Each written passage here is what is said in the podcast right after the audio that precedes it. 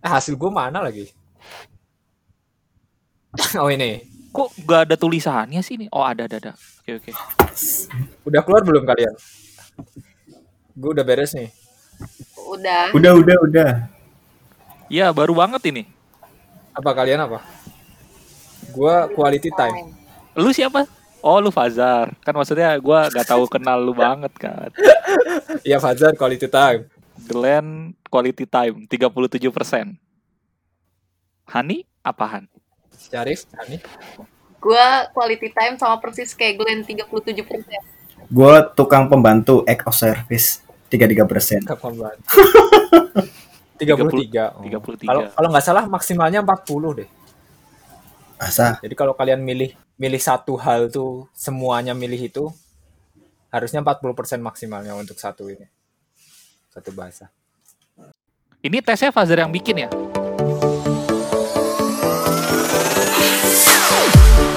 Selamat datang di podcast 21 bersama gua Glenn Rivans Dan gua Fazar. dan kali ini kita kedatangan dua kawan kita sekaligus.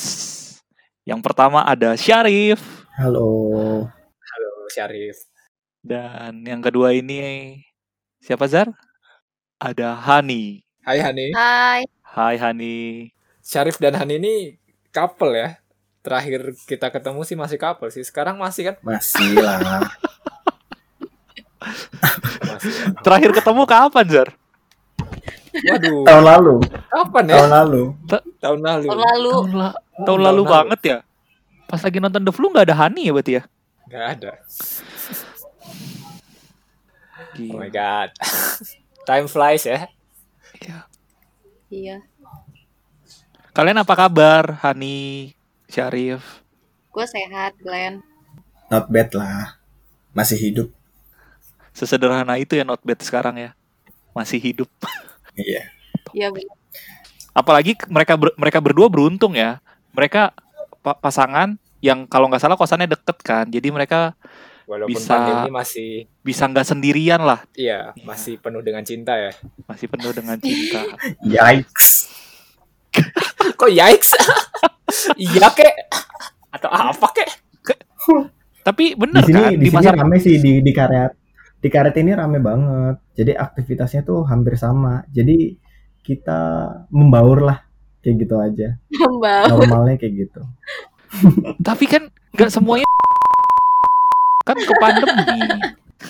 Atau nggak semua yang kayak gini nih jangan dimasukin ini. nggak maksudnya gini loh. Glenn. Nggak mungkin dong tiba-tiba pandemi. Dan itu nggak bisa dimasukin kan? nggak nggak bisa ya. cari bikin lain. Aduh jokesnya harus diulang ya. Aduh. Coba lagi yang lain, Glenn.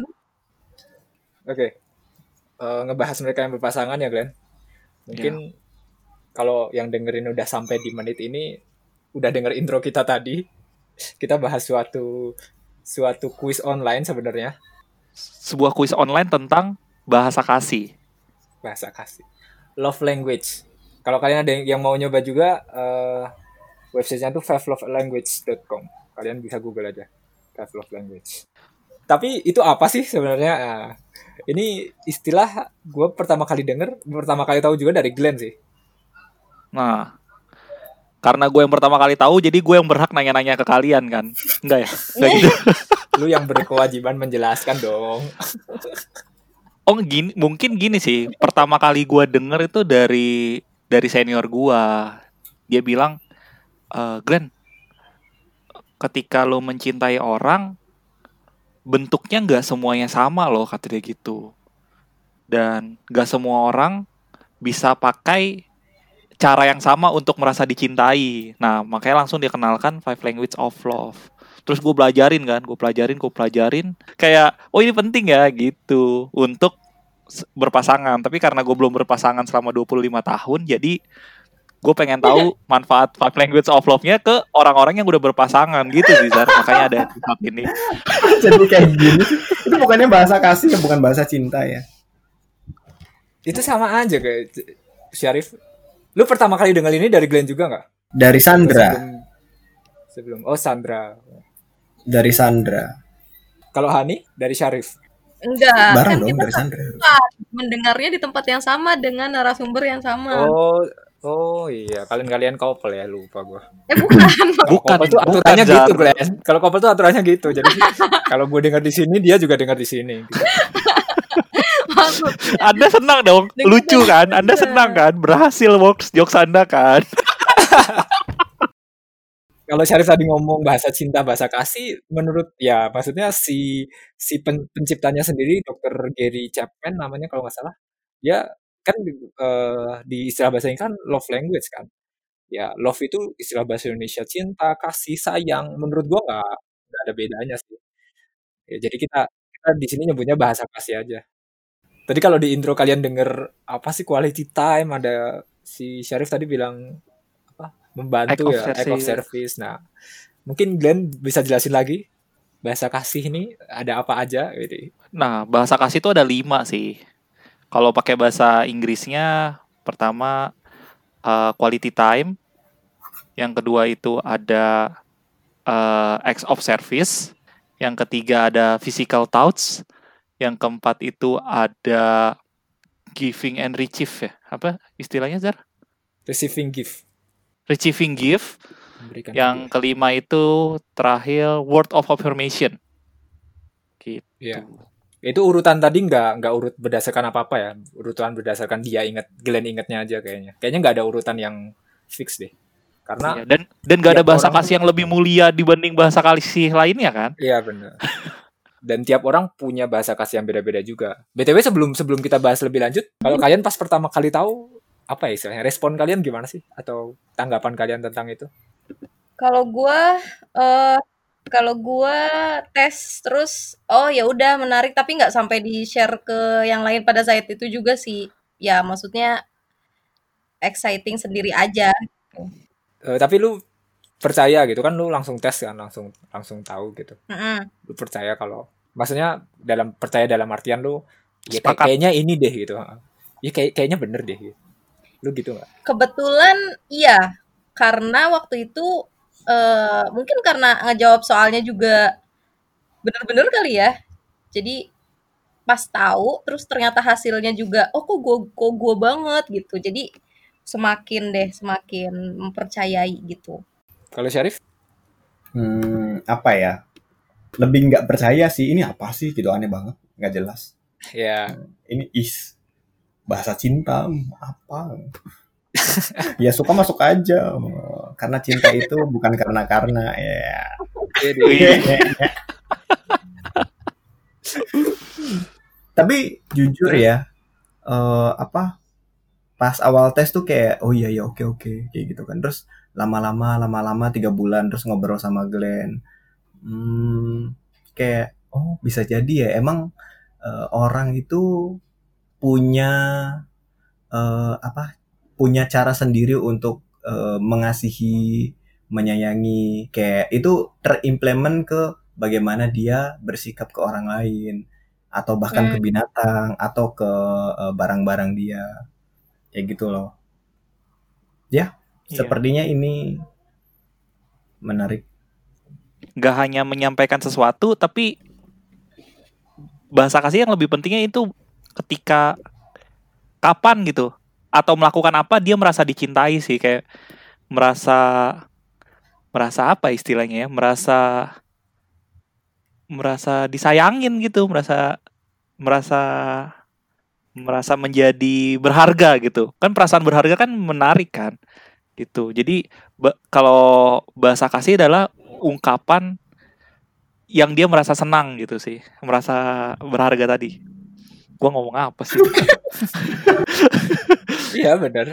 tapi tapi enggak loh Cinta. Ben jadi bahasa kasih ini kan bisa disalurkan ke hewan juga gitu atau ke barang-barang lu nah salah satu contoh bentuknya itu Fazar Fazar tuh suka banget nih menyayangi buku-buku dia terus dia What? laminating iya terus bagus gitu dirapi.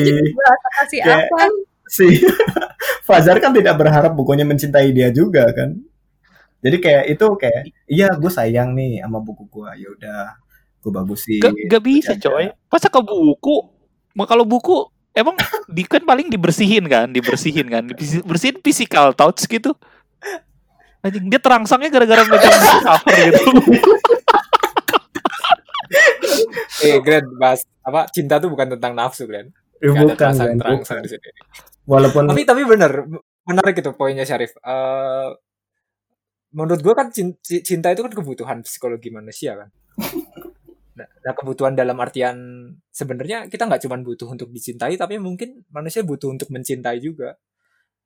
Nah dan ya saat kita mencintai mungkin bener kata Syarif kita nggak harus bisa aja kita mencintai sesuatu benda mati gitu ya tadi dalam kasusnya buku mungkin ya tapi itu nggak bener juga kayaknya gara-gara gua sih nyebut Fazar gitu coba dia nyebutnya teman gua gitu kan gue bisa okein itu ya, tapi gue mencintai sesuatu yang nggak ada loh Zar selama hidup ini. aduh, ini mau dibahas di sini. Enggak, enggak, enggak, enggak bakal dibahas di sini lah karena kita pengen ngomongin bahasa kasihnya bukan ngomongin objeknya kan. Iya dong. ya ya mungkin cinta yang kita bahas di sini mungkin cinta yang eh, memenuhi kebutuhan emosional kita kayak kebutuhan fisiko- psikologi kita dan itu eh, dan iya sebenarnya menurut gua itu intinya intinya konsep ini sih pas gue pertama kali denger kayak ya bagus jadi karena ini kebutuhan gitu perlu ada suatu cara untuk bisa dikomunikasikan ya mungkin istilahnya ya nah dan bahasa kan cara untuk ber- manusia untuk saling berkomunikasi kan makanya bahasa bahasa cinta itu cara manusia untuk bisa mengkomunikasikan cinta mereka ke orang lain Hani itu kan eh, bahasa kasihnya quality time. Gua kebetulan juga quality time. Tapi pasangannya si Syarif eh bahasa kasihnya itu act of service gitu. Nah, tapi lu pernah ngelihat eh hal ini dari Syarif gak sih? Bahasa kasihnya yang act of service? Lu sepakat gak dengan hasil tesnya? Eh, sebenarnya ini berubah sih karena kan yang gue tahu sebelumnya kan bukan itu kan hasil yang sebelumnya. Jadi tes berapa kali kan pasti bisa berubah tuh. Yang gue pun juga kayak gitu. Nah kalau misalnya ditanya yang terakhir agak agak kaget juga gue lu kenapa hasilnya itu yang? Em, sebenarnya ya kalaupun misalnya kita tahu hmm, bahasa kasih pasangan kita atau eh, rekan kita gitu kan, sahabat kita. Itu menurut gue sih untuk untuk ngebantu ini aja nggak sih kalau misal kayak shortcut gitu, kalau misalnya lagi capek tapi terus harus memperbaiki hubungan, ya paling gampang sih inget-inget bahasa kasihnya kan, gitu. Jadi langsung langsung bisa kena maksudnya kayak gitulah. Contohnya gimana tuh? Misalnya orang lagi pusing banget terus bahasa kasihnya hadiah. Langsung lu kasih hadiah gitu dia. Enggak sih, gue juga nggak nggak suka yang begitu juga sih. Cuman maksudnya eh apa ya? Kan poin dari kalau bahasa kasihnya hadiah, karena gue mantan yang punya bahasa kasih hadiah ya. Jadi tes pertama kali itu gue eh, resultnya eh, itu apa sih? Receiving gift. receiving gift. Nah, yang gue rasain sebenarnya waktu waktu gue menjalani tes itu dan ternyata benar hasilnya receiving gift itu yang gue pengen paling besar ketika gue tahu orang yang hmm, apa ya orang terdekat gue itu memikirkan gue saat pingin kasih surprise ke gue gitu. Seberapa dia eh, apa ya menghabiskan waktu dia untuk menimbang-nimbang oh gue prefer ngasih dia warna merah atau warna kuning kayak gitu itu semakin membuat gue terbang gitu loh. Jadi em, sebenarnya poinnya bukan tentang hadiahnya kalau menurut gue ya waktu itu yang yang tipenya receiving gift tapi tentang kita dikasih tahu kalau orang itu tuh punya effort ketika memilih hadiah itu gitu kan. Itu sih. Hani kayaknya belajar nih tentang ini. Enggak enggak. Bagus juga. Mati doang sebenarnya. Penjelasannya bagus ya Zara. iya. Kalau pertanyaan yang sama ke Syarif Syarif itu nggak pernah ngerasain wah iya nih kok Hani lagi butuh quality time nih atau gimana gitu yang tentang Hmm. Sekarang ini sih act of service kayak lebih ngebantu nggak sih ngebantu orang? Bener nggak? ya eh yang gue tahu ya. Jadi act of service itu kayak timbal balik. Gue tuh seneng banget nih dibantu. Tapi gue lebih seneng ngebantu orang lain. Nah itu makanya bahasa kasih kita. Kalau misalkan eh Fajar lagi sedih nih, yaudah sini gue bantu. Caranya gimana? Ya bisa hadir kayak gitu. Atau Glenn pindahan kosan, ya udah gue bantu. Kayak gitu gak sih? Kan gue yang pindahin lu kosan, bukan lu yang pindahin kosan ke gue. itu pertama kali gue deket sama si Arif itu Zar kalau lo inget ya gue bantuin dia pindahan kosan habis itu udah deket tuh deket banget habis itu Ta- Tapi di momen itu yang butuh bantuan Glenn sebenarnya. Oh iya aduh jangan dibahas dong di sini Zar Oh, jadi mana? belum ada yang tahu itu bahkan ya. iya bahkan di momen itu gue yang butuh pertolongan dalam hidup Iya, itu itu salah satu bentuknya. Jadi gue ngebantu Glenn dengan cara meminta Glenn membantu gue. Nah kayak gitu, act of service, tapi dengan bentuk yang lain. Aduh, Ka- Kalau ini, kalau yang Han- Hani kan quality time tuh, Rif. iya. Lu pernah ini nggak?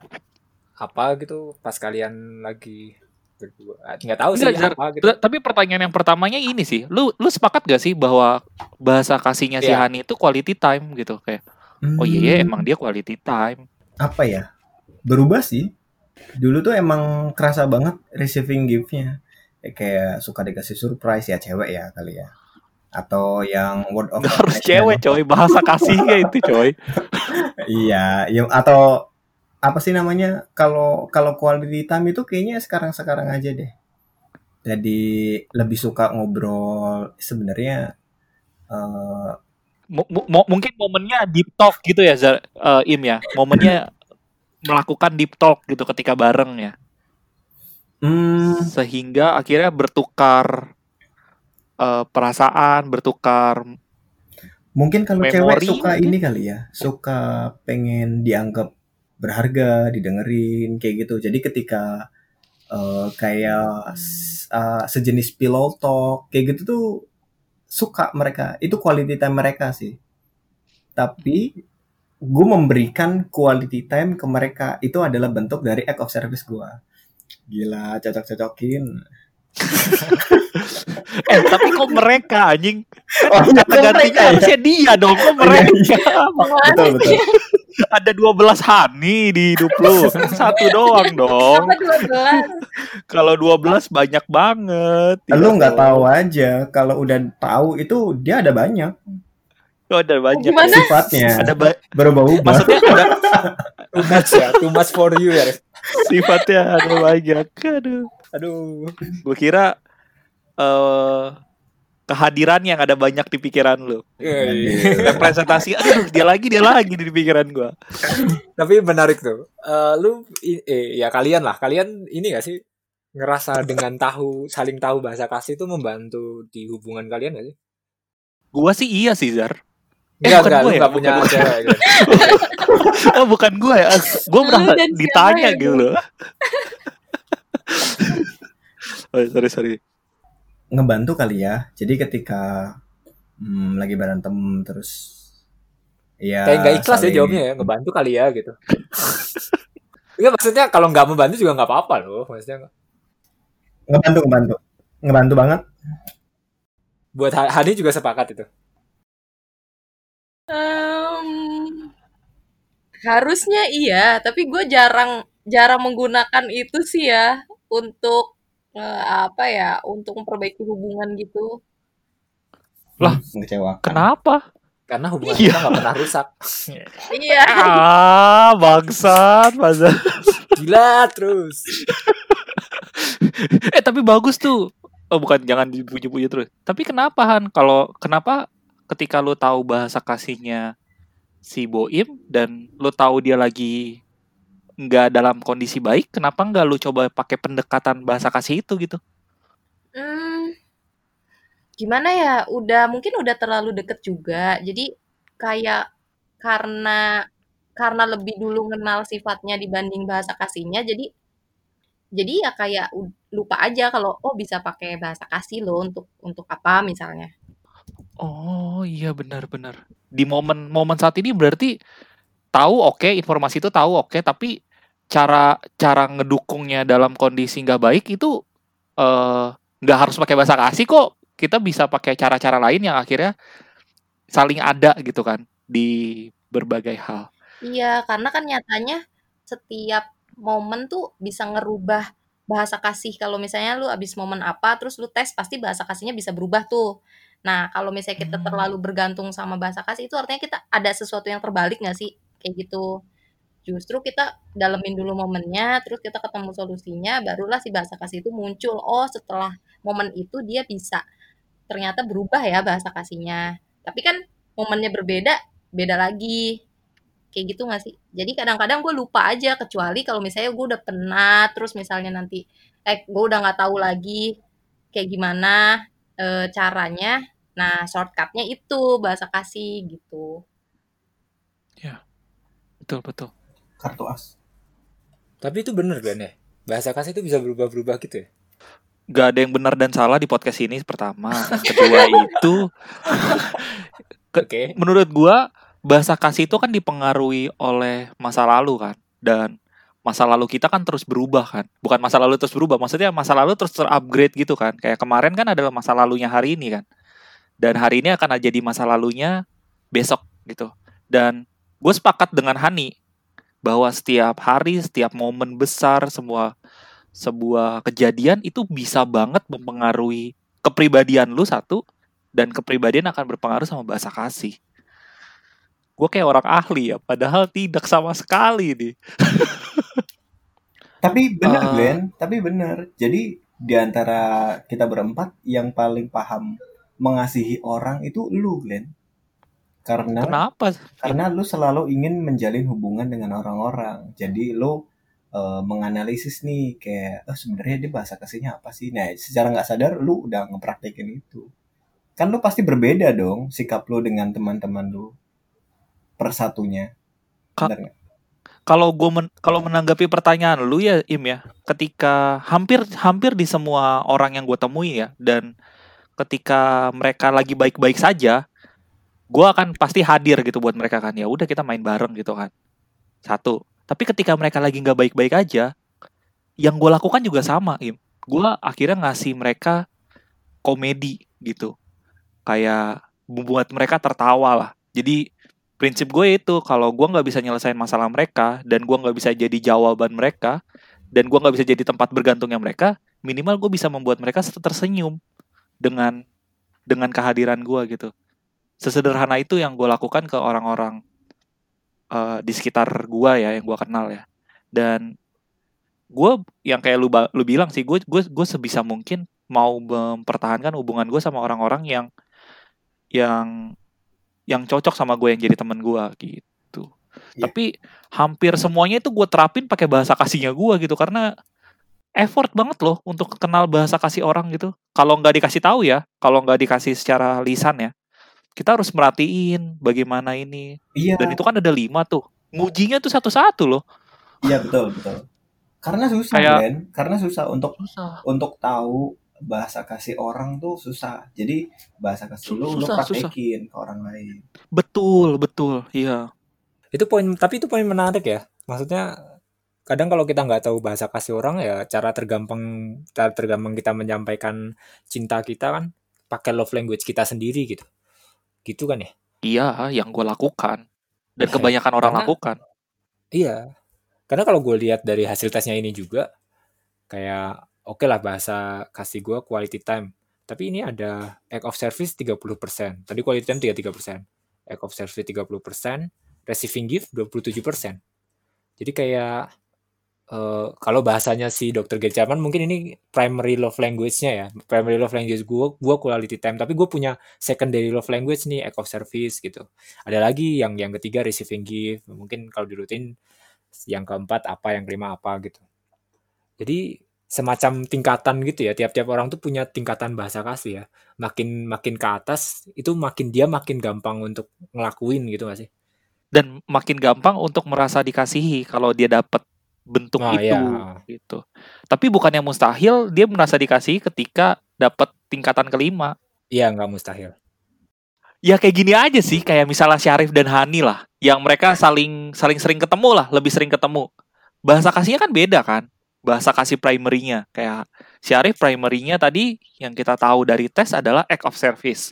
Sedangkan Hani primary-nya adalah quality time. Dan kalau boleh tahu nih, eh Hani quality ta- eh, act of service ada di nomor berapa? Bahasa kasihnya primernya si Boim itu ada di nomor berapanya lo? Kalau satu Dua. paling tinggi nih, 5 dan paling rendah di nomor berapa? Eh, dia Di nomor dia setelah quality time. sih. Oh, jadi setelah quality time act of service. Iya, iya Glenn. Nah, kalau Boim, Kalau Syarif? kalau Syarif act Quality time Quality ada di time nomor ada di nomor berapa? Urutan keempat. Urutan keempat. Berarti lu cukup sulit untuk menyesuaikan ya atau ya kayak lu bilang tadi bentuk act of service lu adalah hadir untuk dia. Ya betul betul. cocok logi Cocok logi dong. Bisa jadi nggak susah juga kan Glenn Nomor empat loh. Kok nggak bisa susah? jadi nggak susah juga siapa tahu dia udah karena bahasa pasti kan bahasa cinta kan bisa dipelajari nih love language dia udah belajar aja gitu dia udah tahu aja caranya mau nomor lima juga kalau dia kalau kita udah tahu caranya nggak akan susah iya kan gitu nggak gitu nggak sih konsepnya Jadi menurut lu bahasa Hmm. kasih bisa dipelajarin? Kayaknya iya kayaknya bisa enggak deh. bisa di Gimana Im? Menurut lu bahasa kasih bisa dipelajarin nggak? Mu- kalau dipelajarin mungkin butuh butuh praktek kali ya. Kan kita nggak nggak tahu. Butuh. Kayak kayak word of affirmation kayak Glenn sebenarnya lu tuh ganteng Glenn kayak gitu. Lu tuh sebenarnya orangnya baik banget. Eh coy, tar dulu, tar dulu. Word of affirmation bukan berbohong kan? Saya kan nggak ganteng, lucu, lucu. Kok lu gak ketawa sih Zar? Itu jokesnya bagus loh Zar. Word of affirmation bukan berbohong loh. ya gimana gimana sih? Ulang ulang, sorry potong tadi. Apa lupa Misalnya- gue juga. Misalnya word of affirmation. Bisa kok. Sebenarnya ini tuh bisa dipelajari. Cuma hmm, definisi kita belajar kan sebenarnya ini ya. eh, kayak lebih banyak ke prakteknya. Kayak eh, apa? Apa sih try try error? Kayak ketika ketika gue ngomong kayak gini, kayak word of affirmation kan itu kes, gue susah banget tuh istilah apa? Eh, ngungkapin sesuatu ke orang gitu. Iya sebenarnya lu tuh pintar banget. Nah itu susah. Atau lu tuh sebenarnya udah baik banget sama gue itu susah banget. Kayak di saat yang tepat tuh eh cukup susah untuk mengeluarkan kata-kata yang tepat. Tapi kalau misalkan itu dilakuin, eh, maksudnya latihan harusnya bisa sih. Ya. Dan sebenarnya itu sebenarnya itu filosofi elu sih Rif. Gue belajar dari elu sih kayak, kayak semua semua hal tuh ya se- semua hal tuh bisa dipelajari. Itu filosofi yang gue belajar dari elu sih. Belajar dari sisi mana? Enggak lu pernah ngomong gitu kayak bahasa cinta tuh punya kan bahasa ya bahasa cinta tuh punya dialek loh. Dialek dalam artian bahkan misal gue quality time si Glenn gue juga quality time juga tapi kita ngomong dengan dialek yang berbeda mungkin Glenn tadi dengan dengan apa namanya dengan kehadiran gitu lu dengan hadir aja bisa menunjukkan cinta lu ke Glenn gitu tapi mungkin dialek gue gue nggak tahu dialek gue apa ya mungkin katakanlah eh, Melakukan Un- kegiatan undivided- bersama. undivided focus katakanlah ya. Jadi gue gue gue bakal merasa dicintai kalau lu ngasih fokus lu ke gua gitu misalnya. Ya da- ya pokoknya itulah itu terlalu mendalam. Gua nggak mau menjelasin terlalu mendalam. Tapi yang jelas po- poinnya bagus bahwa bahasa bahasa cinta ini punya dialeknya masing-masing. Tiap orang punya dialek yang berbeda-beda juga gitu. Gue gue mau nanya Han nih, Han. Kalau lu sendiri pernah merasakan manfaat bahasa kasih selain ke Boim nggak?